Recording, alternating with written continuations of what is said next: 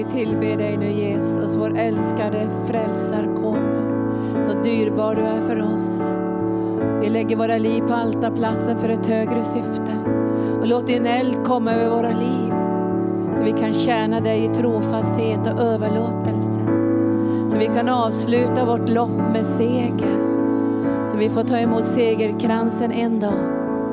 En dag när himlar och jord upplöses i eld. Och vi ska få en ny himmel och en ny jord där rättfärdighet ska råda. Och då ska du sätta oss över det som är större. Du har sagt här om vi är trogna sätts vi över tio städer. Vi kommer att få auktoritet i den nya världen. Men vi vill vara trogna i det som vi känner är litet nu. Vad än vi gör här så känner vi ändå att det är litet. Men vi vet också att det kommer tider då du sätter oss över det som är större.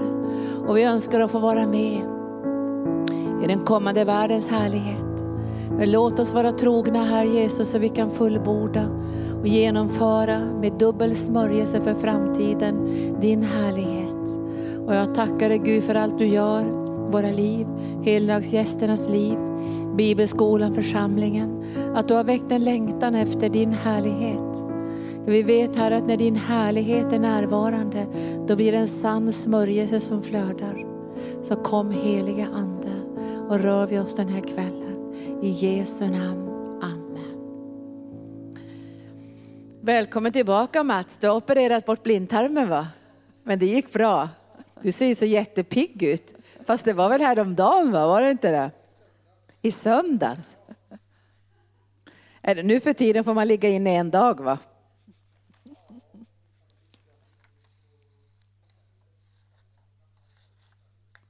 På, på sjukvårdshotellet där. Och sen fick du åka hem dagen på.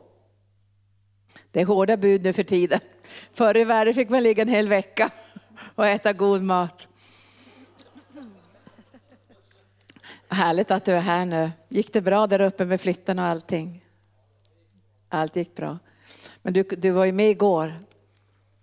Vi har haft jättefin eh, konferens under den här veckan.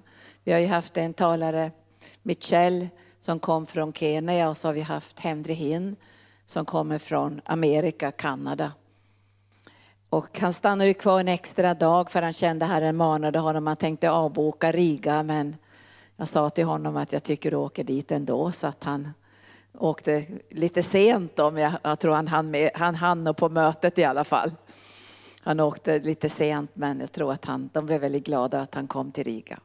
Och han ville stanna kvar för vår skull igår. Så att ni som var på helendagarna kanske tyckte det var ett konstigt möte. För det här var ett möte för vår församling. Men jag kände att jag ville inte skicka ut er till något annat rum här utan någon förebedare. Så jag tänkte att ni kommer få, få del i någonting som rör arken och jag kände ni är ju, har ju, kom ju hit också för att ni vill ha del i arkens vision och uppdrag. Så ni var väl bedjare då att han skulle få säga de rätta sakerna. Och det var ju så roligt och härligt också. Ni ser ju Sten här, det är en otrolig gåva för oss i arken. Och hans härliga fru, brasilianska vilda fru. Ja, så vild är hon kanske inte, hon är härlig. Men det är ju speciellt temperament på de här som föds i Brasilien. Det är ju speciellt. Så det var sån nåd för oss också att få känna det här, den här omsorgen. Och och kärleken som är så viktig också i vårt arbete. För vi kallar ju på människor att komma hit som har djupa sår. Och behöver få en trygghet här för att kunna öppna sina hjärtan. Och vi ser ju också många gånger, vi har ju många världsevangelister och talare här, så märker vi på dem att, att de har aldrig fått öppna sina hjärtan. Jag har ju predikat med Reinhard Bonke och med Ray McCall och alla de Lester Summer, de här stora världsevangelisterna. Men jag vet ju när vi hade kaffestunder och fikade så låg det kanske mer på ett ytligt plan. Man satt och fikade och pratade och så var det nästa möte. Men många av de här världsevangelisterna har en otrolig längtan bara att få öppna sina hjärtan. Att, att man får prata om vad de kämpar med, vad de går igenom. Och, och det är många gånger blir prestige i det också. Att jag kan inte berätta att jag har behov när jag är en världsevangelist. Och när arken är som ett helande center, som den smörjelsen, så när talarna kommer hit så blir det ju alltid så. Att de också får möta Gud. när de själva får betjäna. Så det tycker vi är en väldig ära och en väldig glädje att vi kan ge dem det här också i arken. Så att det var ju lite konstigt att gå för en del av er, men ni, ni, det var väl ganska bra ändå, va? var det inte det? Vi kände det var en smörjelse och Gud talade och vi var väldigt, väldigt, väldigt uppmuntrade, pastor Gunnar och jag. Och vi känner ju att det är viktigt för oss att bevara arkens kallelse och smörjelse. Alltså det som Gud har kallat oss till här. Så att vi får fullborda det så att när vi går in i framtiden att det inte blir någonting annat. Utan att det blir det som Gud har kallat oss till i arken. Och då måste vi ha människor omkring oss som kan bära den här visionen och det här uppdraget. Och det är ju också en utmaning att det får planteras in i människors hjärtan. För vi känner ju inte att vi bara ska pressa på människor ett koncept. Utan när vi tog emot kallelsen från Gud så kom det från himlen som en, ett uppdrag för mig och pastor Gunnar att grunda den här platsen. För det var Jesus som ville ha saker på ett väldigt särskilt sätt. Och det är därför som när vi lyssnar till exempel på lovsång, vi lyssnar mycket på lovsång från, lovsånger från hela världen, men vi vill inte importera någons lovsång. Utan vi vill söka de sånger och de tillbedjansånger och lovsånger som stöder just den här visionen och som gör det möjligt att flöda för oss i den här visionen. När jag möter andra förkunnare och deras kyrkor och så här, då kanske de har en lovsång som stödjer deras vision och deras sätt att arbeta. Och det kan vara helt olikt arken. Men vi måste ha en kärlekssmörjelse, en uppenbarelse av Jesus på den här platsen. Och ge utrymme för den heliga Ande och tillbedjan. Alltså vi är beroende av att föra in människor i tillbedjan. För att om vi skulle flöda i den heliga Ande utan tillbedjan så kan det bli som övergrepp på människor. Fast vi inte önskar övergrepp på människor så kan tjänsten bli fel. Därför den måste flöda från tillbedjan. För det är där som från uppenbarelsen om Guds närvaro som tjänsten ska flöda ut i det profetiska och helande och befrielse. Så att varje person som kommer hit får en mötesplats med Jesus. Så det kände vi stärktes också den här helgen, att vi kände att vi måste få tag på de lovsånger som, som stödjer den här visionen, så människor kan öppna sina hjärtan hjärtan. Så de kan lösas ut från bojor och band och få upprättelse. Och det blir den här mötesplatsen med Jesus utifrån försoningens verklighet. För vi tror ju att Jesus har gjort någonting på korset för 2000 år sedan. Och vi går in i den försoningsverkligheten. Med att den helige Ande får förmedla det Jesus har gjort i våra liv. Och att vi står på biblisk grund. Och därför vakar vi också. Vi tar ju hit talare som kommer från andra traditioner. Men våra ledare vet ju vad vi förvaltar här. Så ibland får vi köra slalom så här.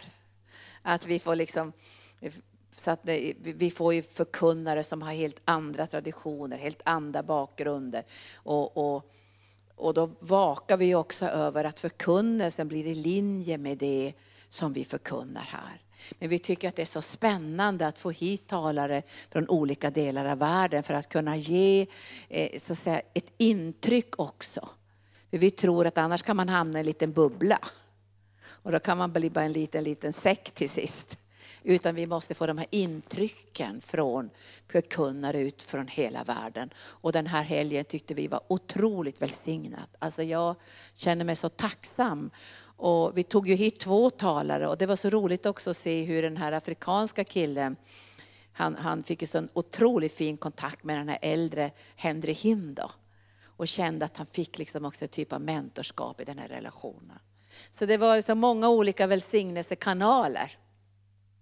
Men det finns ju på, vi tog ju bort något på Youtube för han jobbar ju med ehm, mycket med muslimer, han reser ju mest i Indonesien. Och då får inte han prata för mycket om vad han gör i Indonesien för ett farligt land.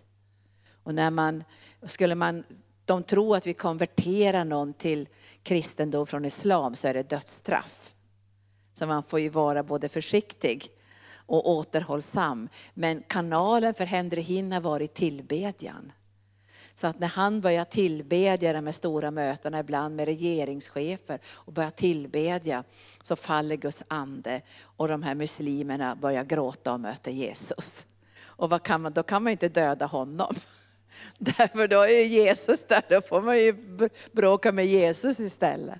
Så vi, ska, vi, vi tar bara en minut och så fortsätter vi och ber att den här processen, för ni var ju med den ni som var på helande dagen också igår, att den bara får fortsätta i arken och att det uppdrag vi har fått ska få välsigna ännu fler länder. Igår var ju vår pastor Olga här som vi har tjänat med 26 år. Hon blev frälst som väldigt ung och ser fortfarande jätteung ut. Men hon blev frälst för 26 år när vi vittnade på gatorna i Minsk.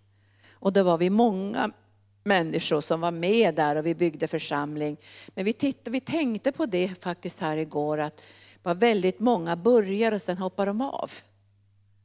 Och jag tänkte så här att hon har hållit ut i alla dessa år. Och jag tänkte på Göran och några till här som också har hållit ut tillsammans med oss för det här arbetet. Och så tänkte jag hur många som bara hoppar av. Men i mig finns det finns inte en tanke att jag skulle starta någonting och hoppa av. För mig är det fullständigt uteslutet. Alltså om inte jag skulle dö eller bli överkörd av bussen så skulle jag aldrig göra det om inte Gud liksom ändrade på det. Men nu har vi väldigt bönämne för Vitryssland för vi har ju en lokal där, en jättefin lokal. Vi har helande center, vi har bibelskola, vi har, vi har um, församling, vi har allt det här som vi har i arken. Och nu ska de riva hela det här huset. Så vi förlorar vår lokal nu. Och den kommer vi förlora till jul så vi håller på att be att få en ny lokal. Och då behöver vi många fler sponsorer som vill vara med och välsigna det här fantastiska arbetet som de här syskonen gör i Vitryssland. Och de har fått kämpa mot alla dessa lagar och förordningar och attacker. Så vi tackar dig nu Herre för din godhet. Tack för alla gäster på helande dagarna. Tack för vad du gjorde igår. Tack hur du välsignade genom de tjänstegård som har varit här. Tack för den process du satte igång Både i lovsången och hungern och längtan och bönen och allt det du gjorde Gud. Vi vill bevara det, befästa. För det står ju i skriften Jesus att det är du som smörjer. Det är du som befäster det som du redan har gjort i våra liv. Vi tänker inte tappa bort någonting av det du har gjort i våra liv. Och jag lyfter nu också Vitryssland inför dig och alla de behoven. Och jag lyfter, lyfter alla tidigare sponsorer som har varit engagerade men som av olika skäl har stigit åt sidan. Jag ber att du ska tala till deras hjärtan. Att de har påbörjat någonting som de också behöver avsluta.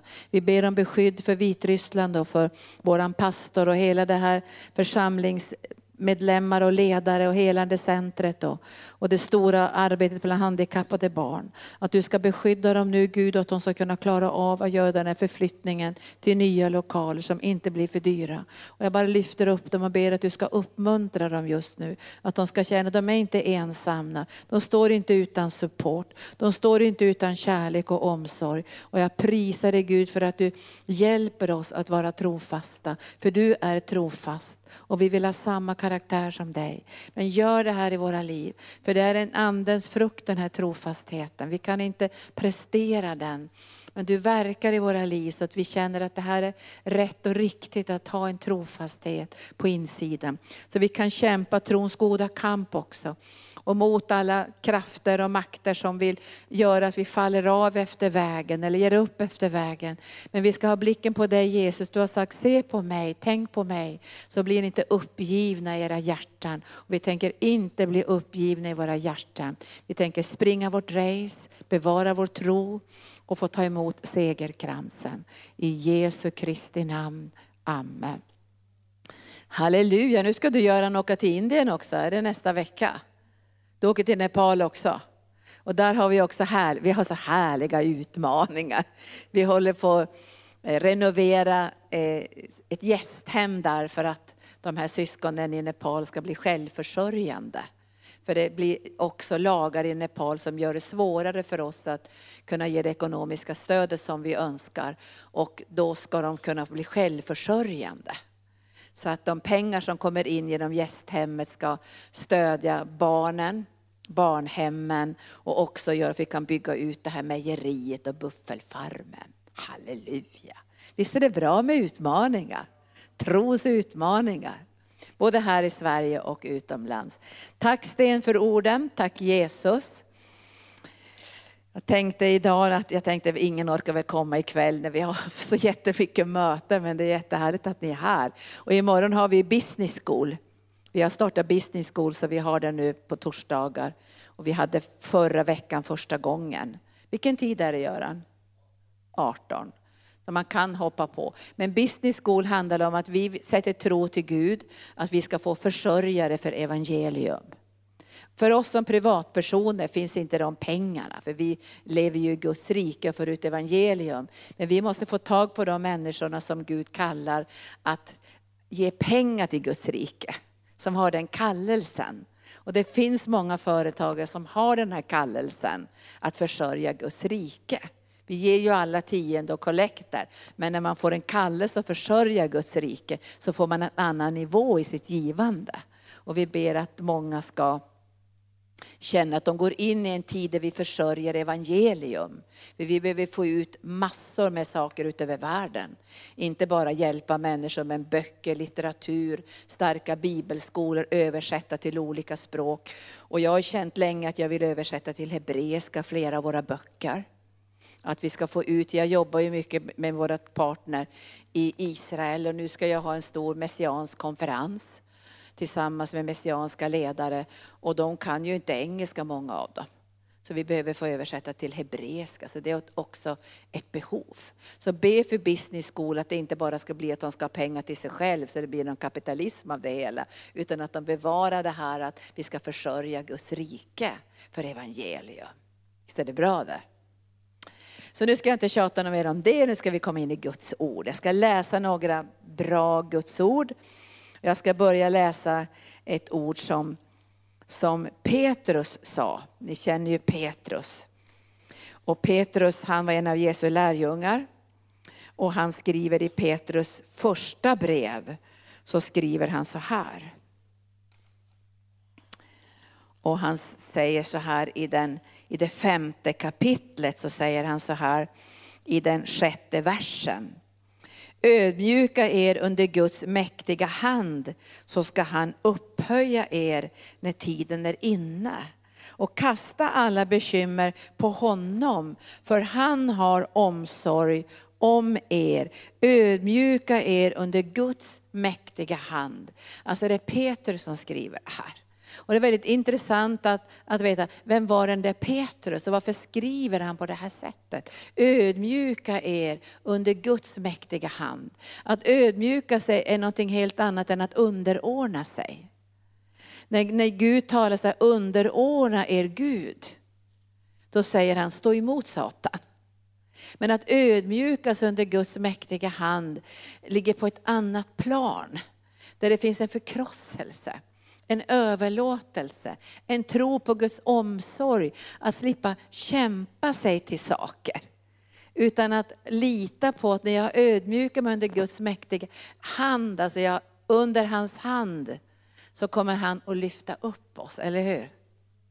För vems hand vill vi ödmjuka oss under? Under hans hand. Och det är Petrus som säger, vi ska säga något om Petrus ikväll. Han som säger det här. Och han har ju en kompis då, som heter Jakob. Han var ju också lärjunge, Jakob. Och i fjärde kapitlet i Jakobs brev så, de har säkert samtalat om det här. Det är ganska mysigt att tänka att Jakob och Petrus och de satt där och drack, ja kanske inte kaffe riktigt, men de drack väl någonting, kanske någon, Ja, de kanske drack kaffe eller te eller något. Och så satt de och samtalade med varandra om de här frågorna. Och så kanske de hade ett själavårdssamtal. Där de sa, hur har du kommit fram till det här att du ska ödmjuka under Guds mäktiga hand? Och så kanske Petrus berättar lite av sin berättelse i sitt liv. Och sen säger Jakob så här i, i versen, kapitel 4, versen 7. Underordna är därför Gud. För Gud står emot de högmodiga, men han ger nåd åt de ödmjuka. Men underordna är därför Gud. Alltså, när man underordnar sig Gud så är det ett erkännande att han har makten. Alltså han har makt i himlen och på jorden. Och ska vi kunna stå emot Satan så måste vi underordna oss Gud. Därför då står vi i Guds auktoritet och Guds makt, inte i vårt eget. Och när vi underordnar oss varandra, det står i Bibeln, underordna er varandra, eller ni yngre ska underordna er de äldre. Så, så är det ju också så att vi underordnar oss den smörjelse som Gud har smort människor med.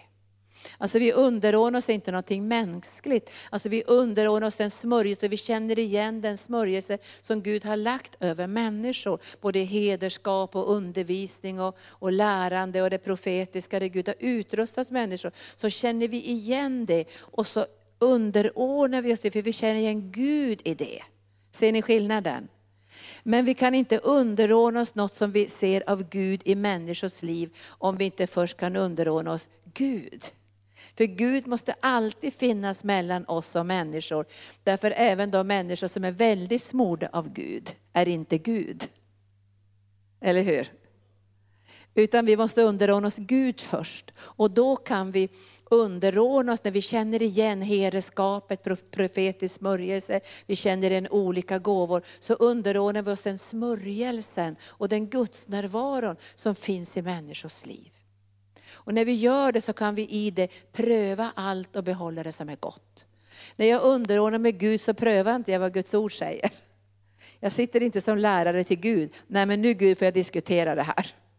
Utan jag underordnar mig Gud, jag erkänner Guds fulla auktoritet i mitt liv. När Gud har sagt någonting, när Guds ord säger någonting, då böjer jag mig. För om jag inte gör det kan jag inte stå emot Satan. Därför jag kan inte stå emot Satan i min egen kraft, jag måste underordna mig Gud. Och då säger Jakob så här till, så det säkert satt de och samtalade, och så skrev han det här brevet. Underordna er därför Gud och stå emot djävulen så ska han fly ifrån er. Stå emot djävulen så ska han fly ifrån er. Alltså det här är väl fantastiskt. För när jag underordnar mig Gud så kommer Gud emellan mig och mörkrets makter. Och det här hade ju Jesus, han hade ju underordnat sig Gud. Så när han mötte på mörkrets makter och sjukdomar, kommer ni ihåg då att till och med demonerna skrek? Du är Guds son, plåga oss inte. Därför att han hade underordnat sig Gud. Och i det underordnade kom det ljus över vem Jesus är. Där ska vi säga något ikväll. Alltså när, ljus, när vi underordnar oss Gud så kan Guds ljus komma och det syns i andevärlden vilka vi är. Vi är de som har underordnat oss Guds ord. Vi är de som har auktoritet i den heliga Ande. Vi är de som kan stå emot mörkrets makter därför att vi har underordnat oss Gud. Och när vi underordnar oss varandra så är det inte någon slags fruktan som vi gör det, utan vi känner igen. Guds kallelse, Guds smörjelse över varandras liv. Och då finns ett ömsesidigt underordnande. Och sen finns det ju också ett underordnande som hör ihop med tjänstegåvor och församlingsbyggande. Och det kan inte vara att man ska liksom, strida och kiva. Och det här visste nu, nu, säger Jakob samma sak som Petrus här, de har säkert pratat ihop sig. För han säger i tionde versen, Jakob 4 och 10. Ödmjukar inför Herren så att han upphöjer er. Ödmjukar inför Herren så ska han upphöja er. Vilket löfte! Visst är det ett bra löfte? Ödmjuka så ska han upphöja er. För man kan tänka, ja, men om jag ska ödmjuka mig under Herrens hand då blir jag bara en nolla. Ingen kommer att se mig och jag får ingen plats och jag kommer att glömmas bort någonstans där på städavdelningen. För Henry Hinn talar mycket om att städa toaletterna. Men, men vi är ju sedda av Gud. Så när vi har ödmjukats under Guds mäktiga hand, då lyfter han upp oss. Och då syns vi. Alltså när människor lyfter upp oss är det inte så säkert att vi syns ändå så tydligt i andevärlden. Men om Gud lyfter upp oss, wow, då syns du. Jag kan lova dig det, då syns du. När Gud lyfter upp dig, då blir du synlig. Och jag hörde den här unga Michel Mangeli, han sa så här, If you market Jesus, he will market you. Om du synliggör Jesus kommer han att synliggöra dig. Därför det finns ett löfte i det här. Men så kom det, jag tänkte jag skulle jag ska snart berätta något om Petrus, men jag kände jag ville ge några bibelställen. För hur han säger det här om, om herdeskap. Och då går jag tillbaka till kapitel 5 i Petrus första brev. Därför att Petrus fick ju en kallelse. Vi ska titta på det där, för att han fick ju gå en väg sen.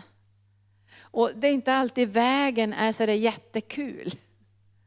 Alltså rent mänskligt, men den är nödvändig. Vi ska titta lite på det där, men nu ska vi se. Det här är konklusionen. Alltså det, det jag läser nu från första Petrus kapitel 5, det är det som är frukten av det som hände i uppståndelsens morgon. När Petrus möter Jesus. Och så har han syndat, han har förnekat, han har gråtit bittra tårar, han har varit högmodig, han har lyft upp sig själv. Har ni tänkt på det? Han lyfte upp sig själv, han blev förödmjukad, han, han förnekade, han förbannade, han svor. Han svor alltså. Och han drog med sig de andra lärjungarna tillbaka i världen. För de hade ju lämnat fiskeriet. Och Jesus fick gå och leta dem. Är de i templet? Nej, de är inte i templet. De är ute och fiskar. För de hade bara gett upp alltsammans. Men Gud hade inte gett upp kallelsen i Petrus liv. Och då får han den här frågan tre gånger. Jesus frågar inte varför svek du mig och varför stod du där och förbannade och varför var du högmodig och så. Han frågar en fråga tre gånger. Och den, den ska säga, den nailar Petrus rakt in i hjärtat. Därför han har trott att hans naturliga styrka skulle räcka för det här uppdraget. Han trodde att, att han har så mycket kärlek själv så det räcker, jag klarar av det här själv. Och när Jesus frågar, agapar du mig? Det betyder, älskar du mig med den himmelska kärleken, med agapekärleken, den övernaturliga kärleken från himlen som är Guds gåva. För att vi kan läsa grekiska och säga Jesus tre gånger, agapar du mig? Och Petrus svarar varje gång, jag filios dig. Jag filios dig. Alltså den, jag har den mänskliga begränsade kärleken och jag kommer inte att klara det här om jag inte får den övernaturliga kärleken från himlen. Och då vet ju du och jag ifrån Romarbrevet kapitel 5, Guds kärlek är utgjuten i våra hjärtan genom den heliga Ande. Men, men man kan se det här, det är det här som händer i Petrus hjärta. Och nu ska jag läsa om hans herdeskap. Så står det så här, 5 och 1 i första Petrus brev. Nu uppmanar jag de äldste bland er, jag själv som är den äldste och ett vittne till Kristi lidanden och som också har del i den härlighet som ska uppenbaras. Var herdar för Guds jord hos er, vaka över den, inte av tvång utan frivilligt, så som Gud vill, inte för egen vinning utan med hängivet hjärta hjärta. Uppträd inte som herrar över den som har anförtrotts er, utan var föredömen för jorden. Så när den högste herden sen uppenbarar sig ska ni få härlighetens segerkrans som aldrig vissnar. Det här är frukten av Jesu möte med Petrus i uppståndelsens morgon. Det här är frukten. Men nu ska vi, nu ska vi titta och se lite grann på vandringen här.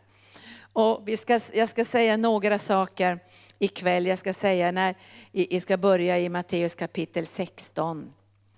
Ta lite bibelstudium ikväll. Kapitel 16 så Matteus kapitel 16 så frågar Jesus en fråga. Och han frågar, det här är en avgörande fråga för hela mänskligheten. Därför Jesus är, i, i islam är Jesus bara en profet, men de respekterar ju Jesus i islam. Han är en profet. I buddhismen är han ingenting. Han är bara en tankebyggnad som man ska avvisa med meditation och med eh, mantra. Jag pratar med buddister som säger, vad skulle du göra om Jesus uppenbarade sig? Jag skulle, jag skulle avvisa den tankebyggnaden, för de tror inte på att det finns någon Gud. Skulle du fråga sådana som är taoister så skulle de säga på samma sätt. Men det här är en avgörande fråga för hela mänskligheten. Vem säger ni att jag är? Alltså den avgörande frågan, det är den enda fråga som människor kommer att få i evigheten. Vad gjorde du med det här erbjudandet om Jesus? Kommer inte ingenting annat. Därför det finns ingen dörr för någon människa utom genom Jesus. Och det här är så pass allvarligt att, att vi känner så här, om inte, om inte vi får uppenbarelse om, om vem Jesus är själva, så kommer vi aldrig komma in i vår kallelse heller. Alltså vi kommer bara få någon slags mänsklig grej, någon slags event eller någon slags företag eller föreningsliv. Vi har ju övernaturlig kallelse, eller hur? Att föra ut evangelium. Och att människor får en rätt uppenbarelse om vem Gud är. Så det är den här frågan han ställer. Och han, vi ska bara titta på Matteus 16, så ställer han den här frågan.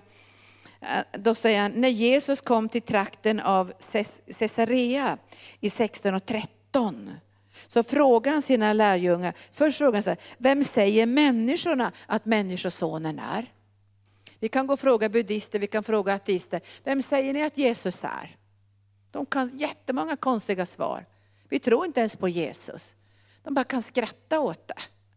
Jag såg nu på en bilreklam på tv och tänkte, åh vad fint de sjunger, han håller hela världen i sin hand. Men de sjunger inte det. Du, du håller hela världen i din hand. Så de har ändrat texten. Så många okristna skulle säga, vem, vem, säger, vem säger de att Jesus är? Kan gå och fråga människor. Vem säger ni att Jesus är? Ja, men han var väl bara en vanlig människa. Det var något som kristna hittat på. Eller vi tror väl inte på någon Jesus. det kan vara jättemånga olika svar. Och Jesus ville veta, vad säger människorna att människosonen är? Och i 14 versen står det, de svarade, vissa säger Johannes döparen. Han var bara en vanlig människa.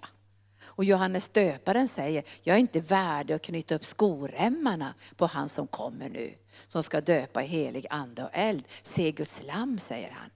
Men vilken vad trist att höra för Jesus, Johannes döparen. Och sen säger de så här, ja men de, de, en del tror att um, andra säger Elia.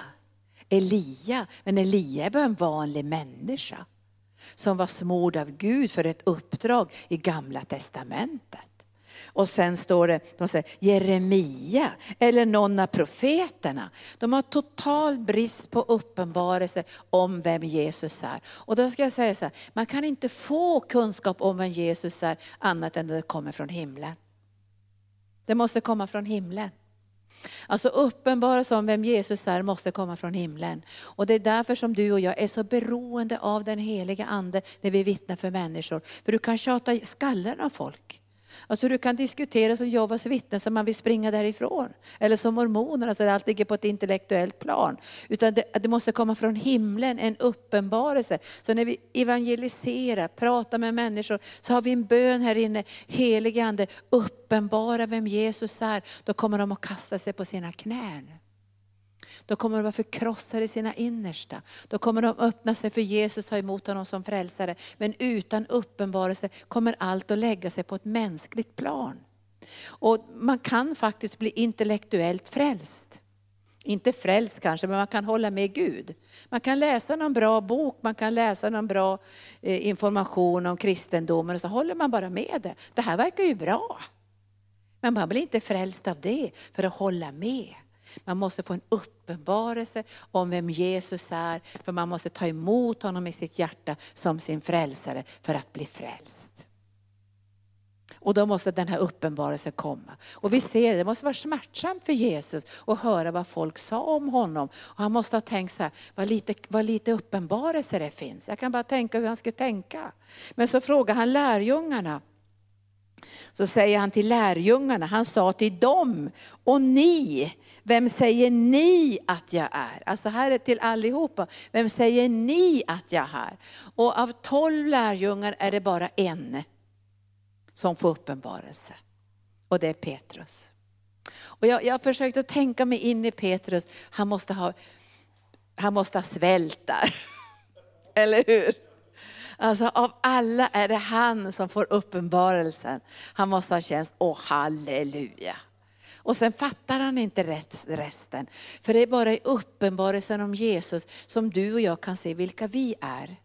Vi kan inte se vilka vi är. Vi kan inte se vår kallelse utan uppenbarelsen om vem Jesus är. Det är så det sitter ihop. Men jag tror Petrus fattar inte det. Han tänkte, åh halleluja, jag vet vem Jesus är. Och sen börjar Jesus att säga vem Petrus är. Han måste ju ha svält. Och tänkt, åh jag är den bästa. Oh, han måste ha missuppfattat allting och tänkt också, Jesus han ska bygga allt på mig. Hela församlingen ska byggas på mig. Tänk om Gud hade byggt församlingen på Petrus, då hade det inte blivit någonting. Han får nog bygga på sitt eget namn. Men jag tror att Petrus, han blev så lycklig. Alltså. Han, det, han är den enda som har fått uppenbarelse. Fast Jesus frågar alla. Så, så säger Jesus så här till honom, eller Petrus svarar, Simon Petrus säger, du är Messias, den levande Gudens son. Det är bekännelsen som alla människor måste göra, från alla religioner, från alla kulturer, alla folk måste bekänna. Du är Messias, den levande Gudens son. I den uppenbarelsen finns frälsningen.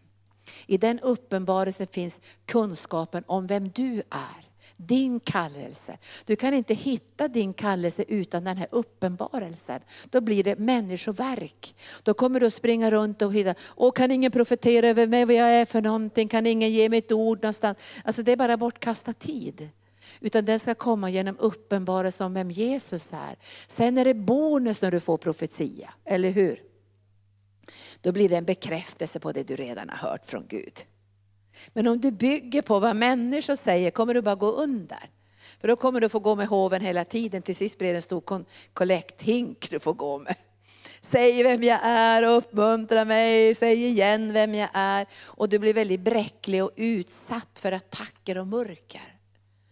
Och, och du är hela tiden känslomässigt styrd och behöver bekräftelse hela tiden.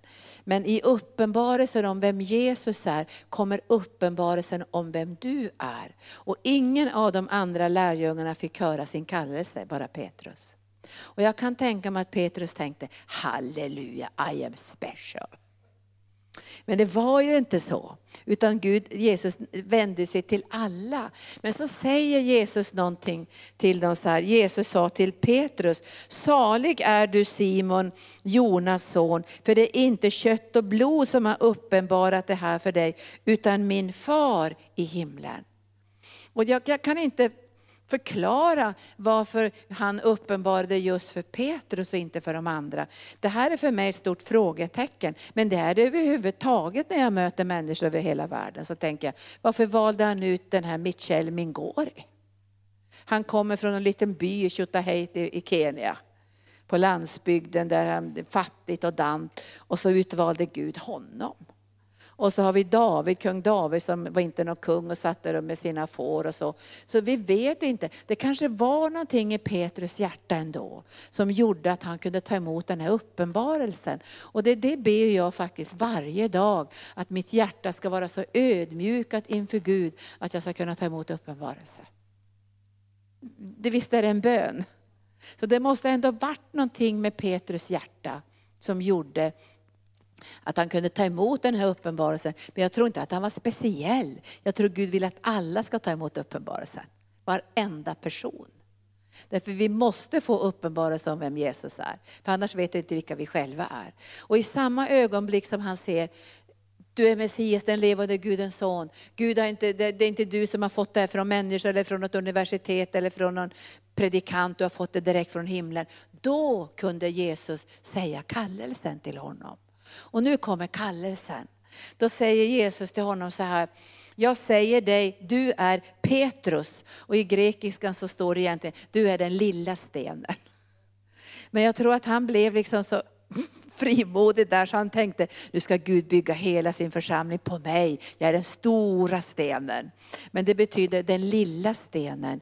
Hur viktig du är för församlingsbyggande. Hur viktig du är för världens frälsning. Hur viktig du är för världsorganisationen. Hur viktig du är för evangelisationer i ditt bostadsområde. Du är den lilla stenen men du är kopplad med hörnstenen, grundstenen, riktstenen. Den sten som byggnadsmännen förkastade har blivit en en hörnsten. I det bygget är du och jag. Och det är därför som vi är lite föraktade i den här världen. För vi bygger på ett annat sätt. Vi har ett annat sätt att leva, vi har ett annat sätt att prioritera. Alltså vi är inte som världen. Alltså vi bygger något helt annat här i världen än världen bygger. Vi bygger Guds rike och därför måste vi ha uppenbarelse. Jag tycker det är så vackert här. På en gång så säger Jesus till honom, du är Petrus den lilla stenen och på denna klippa. Nu tänker Petrus, mm. Men det är två helt olika ord. Petrus och den här klippan. Han är den lilla stenen och på den här klippan, alltså uppenbarelsen om namnet Jesus. Du är Messias, den levande Gudens son. Vi kan inte bygga Guds församling på någonting annat än på det. Och därför skulle inte jag vilja heta någon människas församling. Så här att det här är, eh, det här är den här eh, ledarens församling. Jag, jag, tycker, jag, jag, tyckte alltid det var jobbigt när man sa Lut, luthersk församling. Jag vill inte vara i någon luthersk församling. Även om Luther har fått jättemycket uppenbarelse så kan man inte bygga på Luther. Han var ju bara en vanlig människa med ganska begränsad uppenbarelse, även om den fantastiska uppenbarelse han fick om rättfärdiggörelsen. Så var det ändå bara en vanlig människa. Vi bygger inte på människor, vi bygger på uppenbarelsen om namnet Jesus. Gillar ni det här? Sen kan vi tacka Gud för Luther och Petrus och Jakob och Paulus och hela gänget. Men Gud har ju använt dem här på ett speciellt sätt för att det ska vara fullkomligt. Därför finns de i kanon. Och därför finns inte jag i Bibeln och inte du heller. Utan det här är kanon. Det är det som är bestämt och erkänt då för att vi ska kunna ha som ett full, fullödigt ska säga, testamente från Jesus. Att vi ska kunna lita på det här. Och då säger Jesus så här, han säger, på dig, på dig, den här klippan ska jag bygga min församling och stryka under min. Inte Petrus församling, min församling, säger Jesus. Jag ska bygga min församling. Jag kommer att behöva Petrus i det här församlingsbyggandet. Och när han möter Jesus på uppståndelsens morgon och han har fått göra bättring och ödmjuka sig och förkrossa så säger han, ta hand om mina får, ta hand om mina lamm. Så det är herdens uppgift, fåren, lammen, ta hand om lammen, led fåren, bär lammen. Så får han det här kallelseuppdraget från Gud. Men nu kommer det här tredje då. Det är bara när du har fått uppenbarelsen om vem du är i Jesus Kristus som du också kan stå emot Satan. Alltså det är den tredje uppenbarelsen i det här. Alltså först vet vi vem namnet är, den helige Ande uppenbarar vår kallelse, vilka vi är i Jesus. Och då kommer också uppenbarelsen om vem Satan är. Alltså vi behöver en uppenbarelse om vem Satan är. Och den uppenbarelsen måste bli starkare och mera tydlig i kristenheten. För vi har börjat tappa bort den andliga dimensionen. Att det finns en djävul. Och, och, och Jakob och både Jakob och Petrus säger så här, att stå emot Satan. Han kommer som ett rytande lejon för att uppsluka dig. Underordna dig Gud och stå emot Satan. Ta på dig hela Guds vapenrustning. Därför när Gud har börjat uppenbara sig själv och han uppenbarar vem du är och vad du ska göra i den här världen. Sen kommer, sen kommer ju saker att utvecklas också, men för mig blev det mera helande tjänst än ren pastorstjänst. Fast jag har en pastorsdel i min tjänst så är min huvudsakliga kallelse en helande tjänst. Och det var därför som Gud kopplade samman mig och, Ark och Gunnar i arken för den här dubbla strömmen. Församlingsbyggande, helande tjänst, uppenbarelse vem Jesus är för att få föra ut evangelium. Men jag visste någonstans, är det här som Gud har kallat mig till? Men man ser inte allt på en gång. Det gjorde inte Petrus heller. Alltså han förstod inte det här riktigt, vad det var han hade blivit kallad till. Och han förstod inte heller att han måste få en uppenbarelse om vem Satan är. För här säger Jesus på en gång, nu ska jag berätta för er, säger han så här, vem Satan är. Och så säger han, Satan är besegrad, säger han. Jag läser nu så här. Ja, jag säger det, du är Petrus och på denna klippa ska jag bygga min församling och helvetets portar ska inte få makt över den. Helvetets portar. Alltså här kommer uppenbarelsen om vem Satan är. Behöver vi uppenbarelse om vem Satan är? Det måste vi få. För att annars kommer vi inte kunna stå emot Satan. Vi kommer att bli nerrivna, överkörda, uppslukade. Han kommer att binda oss och låsa oss och skada oss. Därför att Satan vet att när du har fått uppenbarelse om vem Jesus är, så har du börjat få uppenbarelse om vem du är i Jesus. Och då blir han rädd. Det som du har tagit bara i det naturliga, det är ingenting att ha. Han bryr sig inte. Alltså om jag börjar hitta på min egen kallelse. Åh, jag ska göra det här och det här och det här. Det händer ingenting i andevärlden. Men om Gud börjar uppenbara vem du är i honom och vad han tänker använda det till, hela andevärlden skakar. Mörkrets makter bävar, för det som är fött av Gud, vad händer då? Det övervinner världen. Och han blir så rädd, djävulen. Han tänker så här, jag måste få tag på Petrus nu. Hoppas inte han fattar någonting. Hoppas han blir högmodig i det här nu. Hoppas han går och hittar på några grejer nu för att han får inte bli Guds apostel och herde. Vi måste få honom. Men Jesus säger, jag ska bygga min församling så ni ska få uppenbarelse om att Satan är en besegrad fiende. Och ni kan ju många av de här sakerna, att han är besegrad. Jesus har tagit alla hans vapen. Vi har en vapenrustning. Men han går omkring som ett rytande lejon för att uppsluka den han kan uppsluka. Och det är därför vi behöver beskydda varandra, beskydda Guds församling. Vi behöver vara i förbönstjänst tillsammans med Jesus. Vi behöver ha på oss vapenrustningen varje dag. Men vi är inte rädda för djävulen. Men vi vet om att där det finns mörker finns det makt från honom. Och han försöker mörklägga hela tiden. Det är därför jag har sagt till våra medarbetare, jag vill inte ha en nersläckt kyrka. Jag vet ju att många kyrkor vill släcka ner så att det blir helt svart i kyrkan. Det vill inte jag.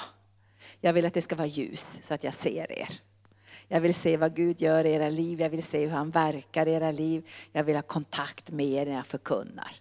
Jag var ju på ett ställe nu för någon veckor sedan där man hade släckt ner i hela lokalen.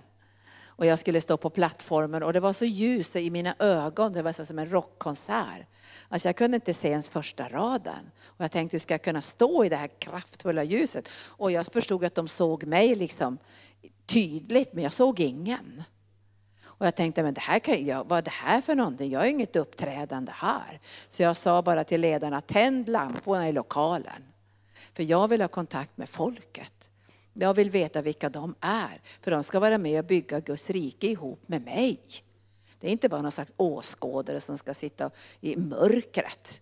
Utan de är viktiga i Guds rikes byggande. För de har viktiga funktioner och kallelser och uppdrag. Nu vet ju jag att man kan ha olika syn för det här, men jag känner nej, det vill inte jag.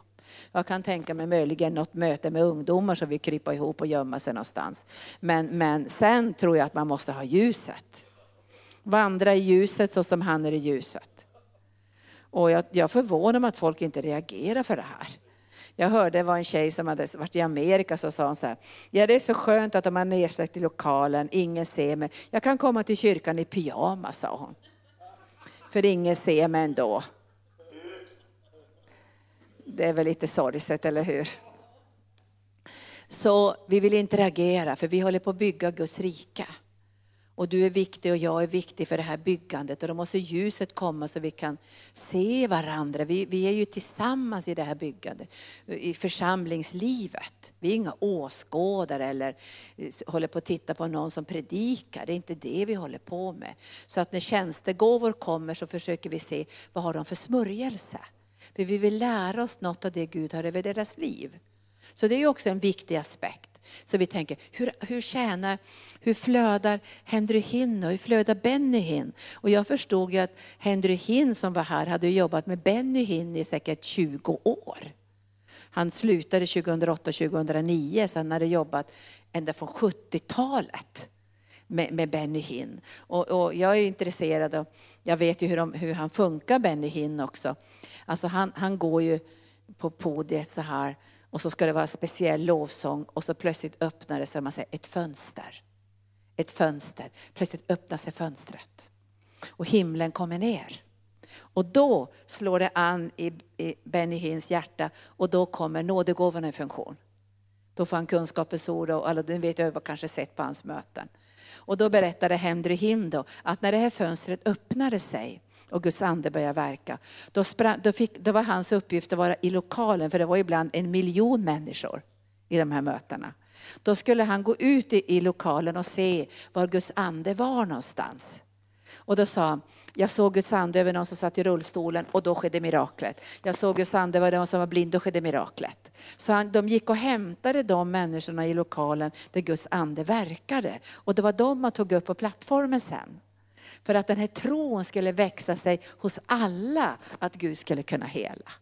Och det är därför det är så spännande att möta olika tjänstegåvor och fråga Herren, hur använder du den här tjänstegåvan? Vad är det för slags smörjelse över den här tjänstegåvan? Det kanske inte är samma som över dig och mig. Men vi lär oss på det här sättet att bli känsliga i den heliga Ande. Så, så Jesus säger så du måste veta Petrus vem djävulen är, annars kommer du inte att klara det här. Du måste veta det. Men jag tror Petrus, han, han, får inte, han kan inte försvara sig ikväll. Petrus. Jag kan inte fråga Petrus, nu, tycker du att jag predikar fel ikväll? Det kan, det kan jag inte säga. Utan nu tar jag bara det som jag tror kunde ha hänt i det här. Därför jag tror Petrus han blev nog lite sådär, fult att säga det, men lite sådär lite stursk. Han var lite sådär, jag klarar det här. Tänk att jag fick uppenbarelse ut, ingen annan fick det. Och jag fick kallelsen och så här. Och då ska Jesus in i sitt lidande. Och då möter han Petrus och säger han till Petrus, Petrus säger han, nu kommer Satan att ta er och sålla er som vete. Nu kommer det bli ett såll. Och ett såll betyder ju att någon har rätten. Har ni sett såll, det är man, gamla sätt att, att få bort agnarna. Så kastar man upp vetet i luften och så flyger agnarna all världens väg. Och så säger han, Satan har begärt att få sålla er som vete. Han har begärt det. Och Jesus säger inte nej. Så vi vet ju att djävulen kommer att sålla oss. Alltså han kommer att sålla oss för att han kommer att säga så här, det finns det inget guld i de här människornas liv, det är bara agnar. Det bär inte i prövningen. Jag kommer att visa det att de kommer att falla på en gång och sticka iväg fort det blir lite jobbigt. Och, och då säger Jesus så här, Satan har begärt att få dig i sållet. Men jag har bett för dig, säger Jesus. Och det tycker jag är det starkaste. Jag har bett för dig att din tro inte ska bli om intet. Att, visst är det starkt det här? Att när djävulen slänger upp oss i luften, alltså prövningarna. Och jag läste i Jobs bok så står det så här att, att jag går till höger och vänster och du, du är inte där. Jag går till norr och söder och du är inte där. Men du prövar mig för att se, finns det något guld? Alltså ibland kan man känna, Gud var är du någonstans? Jag, jag ser ingenstans, har du övergivit mig? Och det, man får kamp och så här. Men då kan det vara en prövning för att, för att du ska se att du har guld. För att när agnarna försvinner så kan man säga, jag har guld. Men Petrus, när Jesus säger, men jag har bett för dig att din tro inte ska bli förstörd. Då skulle Petrus ha sagt, om jag fick eh, förmana Petrus nu, jag får inte förmana, men jag hittar på nu att jag förmanar honom. Då ska jag säga så här, varför i all världen säger Jesus det här till dig, att han ska be för dig, att din tro inte ska bli död. Vet du, jag har mött människor vars tro är död. Alltså de har blivit så pressade av djävulen och inte förstått att Gud är med dem, att de har lämnat Gud besvikelse, de har inte blivit helade, bara är upproriska och negativa och arga på församling och på ledarskap och på Jesus. Därför att de har varit i sållet, men de har inte förstått att Jesus har sagt, jag ska be för dig. Att din tro inte ska dö eller bli om intet, bli kraftlös. Och sen säger Jesus så här, när du har omvänt dig, styrk bröderna. När du har omvänt dig. Alltså om Jesus hade sagt det till mig så hade inte jag sagt så här, jag kommer inte att svika dig Jesus. Om alla andra sviker dig kommer jag aldrig att svika dig. Det var Petrus svar. Det var vad han sa. Om alla andra sticker iväg så ska du kan lita på mig Jesus. Du kan lita på mig för jag har ju fått profetord. Jag är klippan. Det var lite pinsamt. Va? Jag är klippan som du ska bygga din församling på. Du kan lita på mig. Be lite grann nu Jesus men du ska veta jag är stark. Man kan liksom nästan höra det där. Istället skulle han sagt så här, varför måste du be för mig Jesus? Och då hade Jesus sagt, därför att du har en tro som inte kommer att bära. Du har byggt på fel grund. Du har byggt på uppenbarelsen om vem du är, men du måste bygga på uppenbarelsen om vem jag är. Annars kommer du inte att segra över mörkrets makter. Och sen så här, Satan är begärt att få det i sitt håll. Och så skulle han fråga, vad betyder det att jag måste omvända mig? Han ställde aldrig den frågan.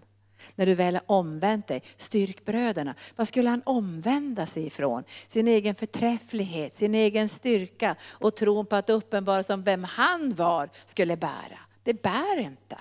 Även om Gud uppenbarar att du ska vara apostel eller vara församlingsbyggare, så klarar inte du det utan att ha uppenbarelsen om vem Jesus är och vem Satan är. För han underskattade Satan. Han underskattade de krafter som kom i rörelse. Och den första prövningen kom ju då när Jesus blev slagen och gisslad och alla stack. Varenda en stack. De bara rusar iväg. Och, och det står att en, en, en rusade så snabbt så de tog tag i hans kläder så han blev naken. Alltså han sprang var naken. Och Jesus säger, ni kommer alla att lämna mig, säger Jesus. Men jag är inte ensam, för Gud är med mig. Men alla kommer att lämna mig. Men det lyssnar inte Petrus på. Jag är Petrus. Jag är klippan, det här ska jag klara Jesus. som alla sviker kommer att stå vid din sida. Och så kom första prövningen. Är det inte du bland dem? Nej, säger han. Är inte du bland de där som gick med Jesus andra gången? Det är jag absolut inte. Och då börjar han svära lite grann. Och så tredje gången, och Jesus hade sagt så här, innan tuppen gal så kommer du att förneka mig tre gånger. Tänk att Jesus sa det och han hörde inte det. Han hörde inte det. Annars hade han ju på en gång bara kastat sig på knäna. Han hörde inte det. För han var så stark i sitt eget. Så när, när han tredje gången förbannade han, står det i grundtexten. Alltså han svor och förbannade.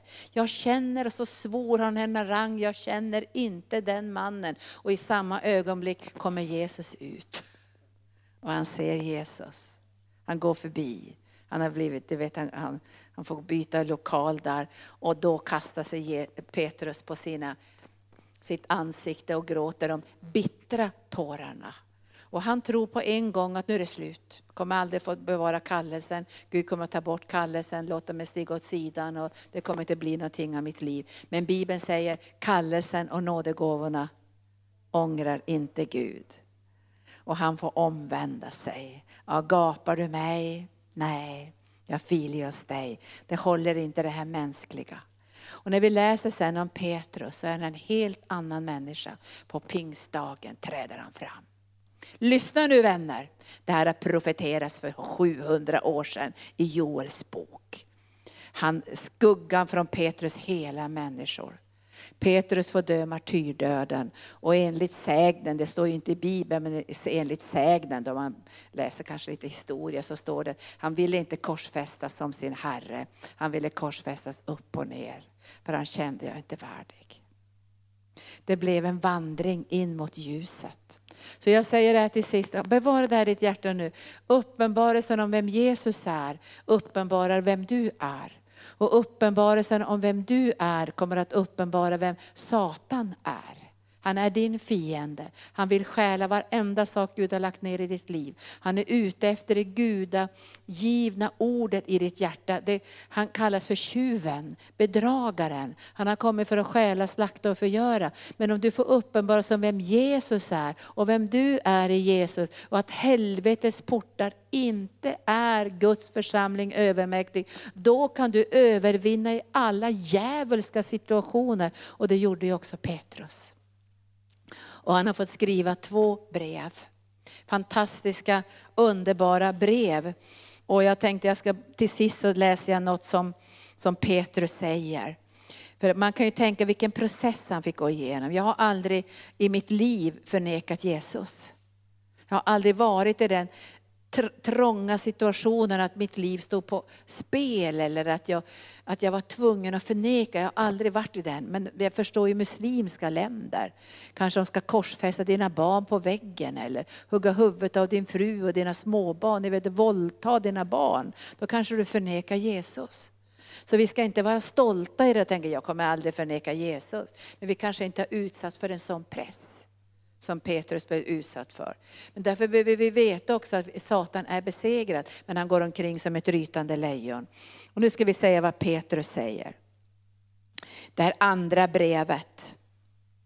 Och Petrus han är ju så fin på något sätt. Alltså, det har blivit sån ödmjukhet och sån mildhet i hans liv. Och nu, nu säger jag bara någonting om Petrus här. Jag ska ju, vi får ju träffa honom sen lite längre fram i evigheten kan vi ju dricka himmelskaffe och diskutera vidare processerna.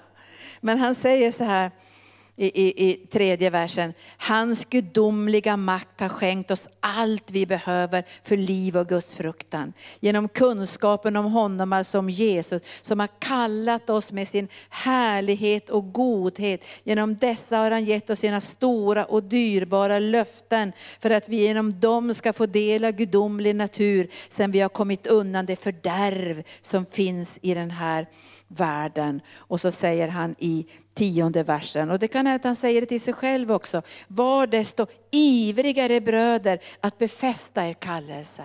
Var desto ivrigare bröder, befästa er kallelse. Och nu befäster han ju herdeskapets kallelse.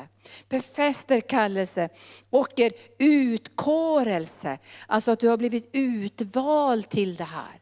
Därför när uppenbarelsen om, om Jesus kommer i ditt liv så blir du kallad och utvald. Så det är inte liksom att du går på universitet eller att du, du tycker att det här verkar kul och så. Utan det blir en kallelse. Det går på ett djupare plan i ditt liv. Och då kommer du att känna, att Gud har utvalt mig. Och det kommer att betyda för evigheten.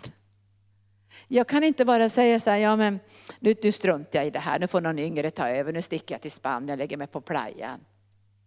Det finns inte i mitt liv, därför jag är utvald och kallad och utkårad av Gud till ett visst uppdrag. Och det är det som jag en dag måste göra räkenskap för inför himlens Gud. Och Petrus höll på att förlora allt. Han höll på att förlora allt. Jag tror att Gud hade inte ändrat kallelsen, men han hade kunnat gå en annan väg. Han hade kunnat ta livet av sig. Judas tog ju livet av sig. Han hade kunnat gå en destruktiv väg och bara när Jesus kom på uppståndelsens morgon, hade, morgon kunde han ha stuckit därifrån. Och sagt, jag vill inte träffa Jesus, jag har skämt ut mig. Han hade kunnat gå en helt annan väg, men det gjorde inte han. Han ödmjukade sig under Guds mäktiga hand. Kommer du ihåg vad Petrus säger? Så ska jag upphöja dig. Och jag tror inte det var så lätt för honom att ödmjuka sig. Jag tror att han fick förkrosselse, han fick gråta, han fick böja sig, han fick nästan slå sitt hjärta för att han hade gjort så här. Men han ödmjukade sig under Guds mäktiga hand och sen kunde Gud upphöja honom. Och han blev en av de mest kända apostlarna faktiskt. I, i, i, förutom Paulus då. Så blev han en av de kända apostlarna. Som, Gud, som användes av Gud på ett speciellt sätt. Det kan man ju se genom apostlagärningarna. Men han säger, gör vad desto ivrigare bröder och befäster kallelse och utkårelse. Om ni gör det, säger han, om ni gör det ska ni aldrig någonsin falla. Har han lärt sig någonting? Ni ska aldrig någonsin falla. Han hade inte befäst sin kallelse, han föll. Men nu har han ett uppdrag genom det här brevet att säga till dig och mig, befäster kallelse så ni inte hamnar i samma situation som mig så kommer ni aldrig någonsin att falla. Och så får ni en fri och öppen ingång till vår Herre, Frälsare, Jesu Kristi eviga rike. Tack Jesus. Det här är viktigt nu. Uppenbarelsen om vem Gud är, blir uppenbarelsen om vem du är, blir uppenbarelsen om vem djävulen är. Och i den uppenbarelsen kan vi bli rädd också. Hjälp vilket mörker och våldtäkter och krig och allt över världen. Men Jesus säger dödsrikets portar, vilken port än djävulen stänger så här, så har du nyckeln.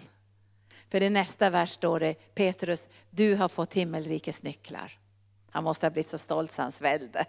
Men sen säger Jesus till alla lärjungar i, i kapitel 18, det du binder på jorden ska vara bundet i himlen. Och det du löser på jorden ska vara löst i himlen. Och då har du fått himmelrikets nycklar. Det går inte att öppna andevärlden i köttet.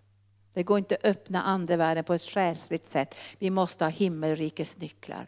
Då kan vi öppna alla de här stängda dörrarna.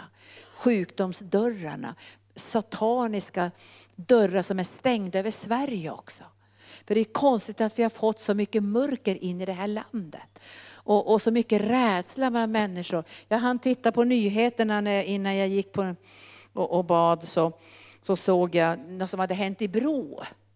En kille som hade blivit, de hade, det var något ungdomsgäng där som hade slagit en kvinna som hade en hund attackerat henne. Och då hade en annan kille gått emellan och sagt till de här ungdomarna. Och då hade de slagit ner den här killen och det var fullt med folk där. Ingen vågade vittna. Ingen vågade vittna. Och då tänker jag så här, om ingen vågar vittna för några snorungar i Bro, vem vågar vittna då för Jesus? Det är min fråga. Vem vågar stå upp och vittna för Jesus när det kanske kostar vårt liv? Det kostar vårt arbete. Det kostar vad som helst, men vi ska vittna om Jesus. Och därför tror jag vi behöver ett mod i den här yttersta tiden och det som kallas för civilkurage. För många, många år sedan så var jag med och också stöttade flickor i en rättegång. Och det var maffian som stod bakom det här. Och polisen sa till mig, vi behöver ett stöd. Kan du vara med och hjälpa de här flickorna? De kommer aldrig våga vittna. För det här är så farliga människor. De skär halsen av folk. De, kommer att sätta bomber under er bil. De kommer att mörda er. Så de sa så här, styrk de här flickorna och sen får ni gå under jorden ett tag. För att ni kanske blir dödade. Men de sa, för det var mest mot mig som den här vreden kom då från maffian. Så att eh, då fick jag, fick jag en sån polistelefon i sex månader. Men om jag hade tryckt på den knappen hade det tagit tio minuter innan polisen kom så det var väl ingen idé. Egentligen, det var bara som en falsk tröst. Att jag hade den där telefonen. Men jag kände så här, nej. Och då sa jag till Gunnar, tänk om jag blir dödad nu, säger jag. Vi tittar ju under bilen varje morgon om det fanns någon bomb där. Och vi fick sätta för brevlådan så att inte de skulle hälla in bensin, för vi bodde i ett hyreshus då. Men jag, jag sa till Gunnar, vad är det här? Ska jag, jag måste ha civilkurage i det här. Jag kan ju inte böja mig som en feg liten bebis. Fast det kändes ju inte så kul det här. Och då kommer jag ihåg Gunnar sa så här. Vi ändrar ingenting. Det är bibelskola som vanligt, församlingen som vanligt. Jag var uppe i norr då så då ville de att jag skulle ha polisbeskydd. Men jag sa nej, jag vill inte ha något polisbeskydd. Jag tror på att Herren ska beskydda mig. Och då sa pastor Gunnar så här, kan Gud inte beskydda dig Linda? Då är du väl redo för himlen? Det var ganska tufft sagt. Men jag kände, men visst är det väl så. Jag kan inte springa omkring med en massa rädsla och tappa all civilkurage och allt mod. Och då vågar jag inte åka till något annat land heller och måste ha beskydd och jag måste vara så ängslig. Jag kan inte leva ett sånt liv. Det står så här, lever jag för Herren och så dör vi för Herren. Eller vad säger ni?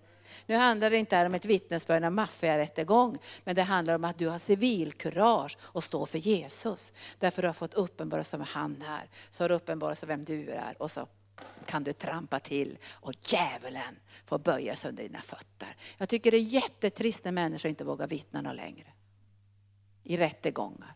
Och det kan ju hända att vi behöver ett civilförsvar eller skydd för människor som går in i de här rättegångarna. För det är ju så mycket våld idag. Men det är väldigt tråkigt när människor vänder ryggen till.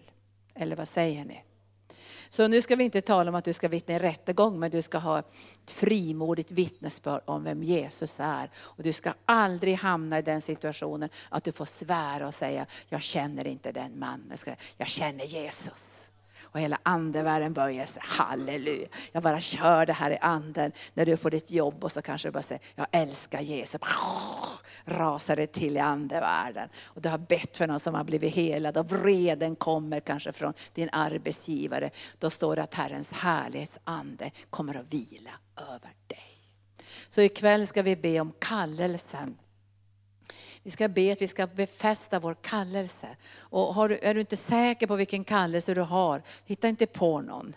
Utan då ska du be om uppenbarelse om vem Jesus är. Men vi anar ju lite vart vi är på väg, eller hur? Så vi anar det på grund av att vi har mött Jesus. Så, så anar vi det på grundgåvorna och på den längtan vi har. Jag märker ju på folk som är kallade administration, de ser ju varenda brist i församlingen. Som ser allt. Och så ser man de som är kallade i profetiska, de ser ju allt möjligt annat. Men man kan, och de som är kallade till barmhärtighetsgärningar, de har diakonin väldigt kraftfullt och märker alla som är sjuka och behövande och hämtar dem med bilar och allt. Så någonstans så har vi en drivkraft, eller hur?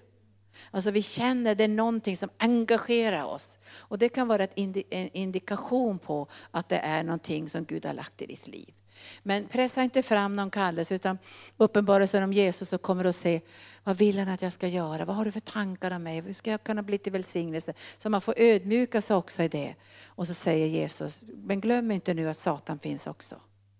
Och han kommer att försöka slakta och döda och bryta ner det och få det bara att försvinna från kallelsen. Så ikväll ska vi bara vi ska be, befästa det här, särskilt ni som är på, på helande dagarna, att ni har fått profetord idag Vi ska befästa det. För de svarta fåglarna de flyger här utanför också, bortanför parkeringsplatsen.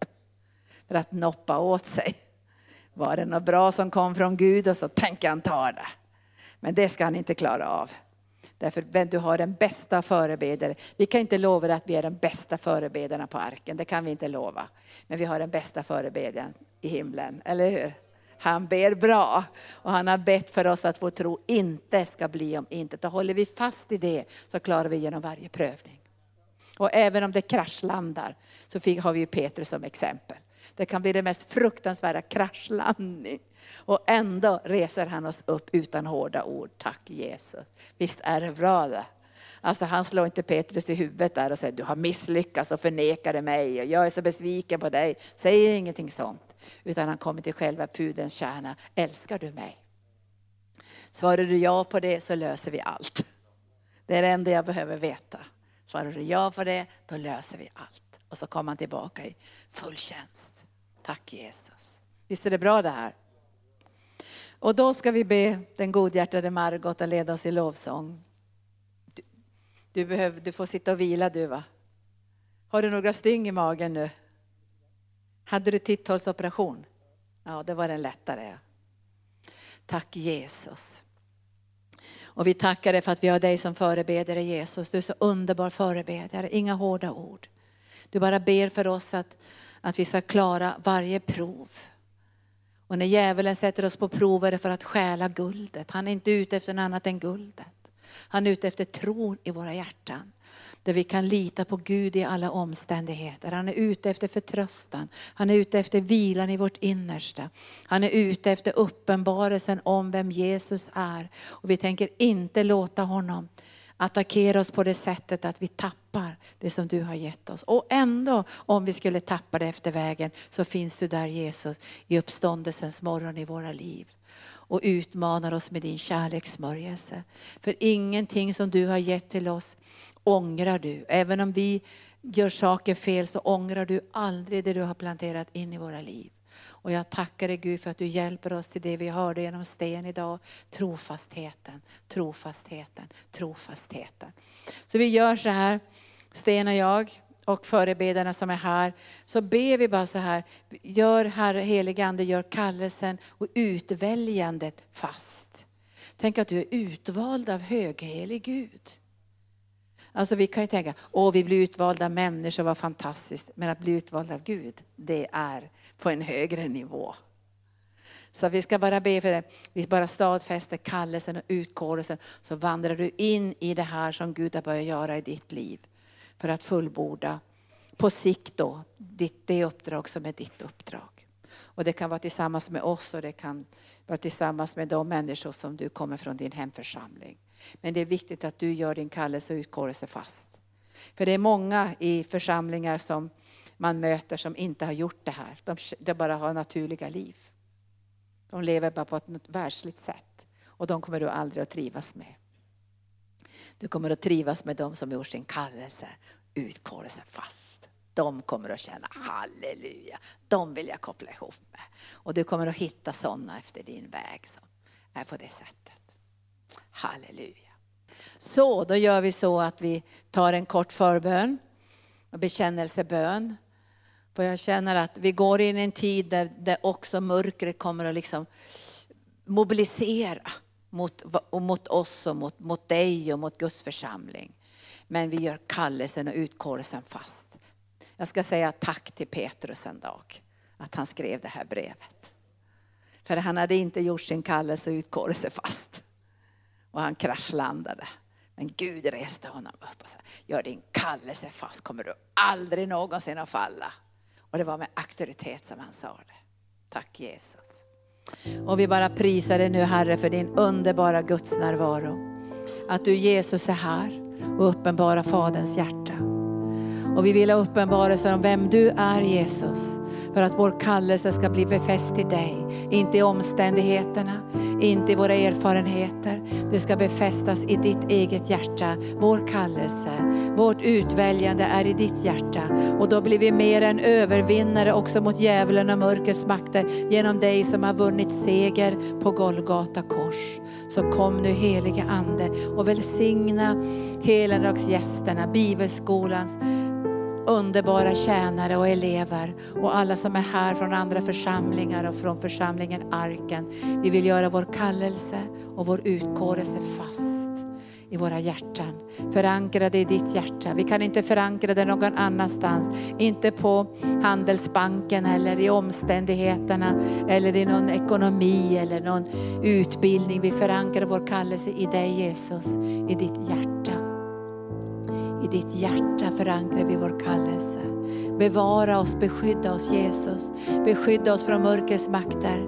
Beskydda oss från alla ondskefulla krafter som är i rörelse både i Sverige och ut över världen. Bevara oss i renhet och helighet och sanning. Bevara oss i civil kurage och styrka på insidan så vi inte vacklar.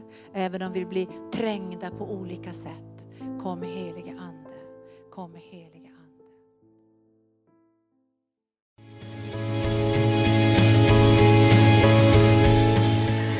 för att du har lyssnat. Vill du få del av mer information om församlingen Arken, vår helande tjänst, bibelskola och övriga arbete, gå in på www.arken.org.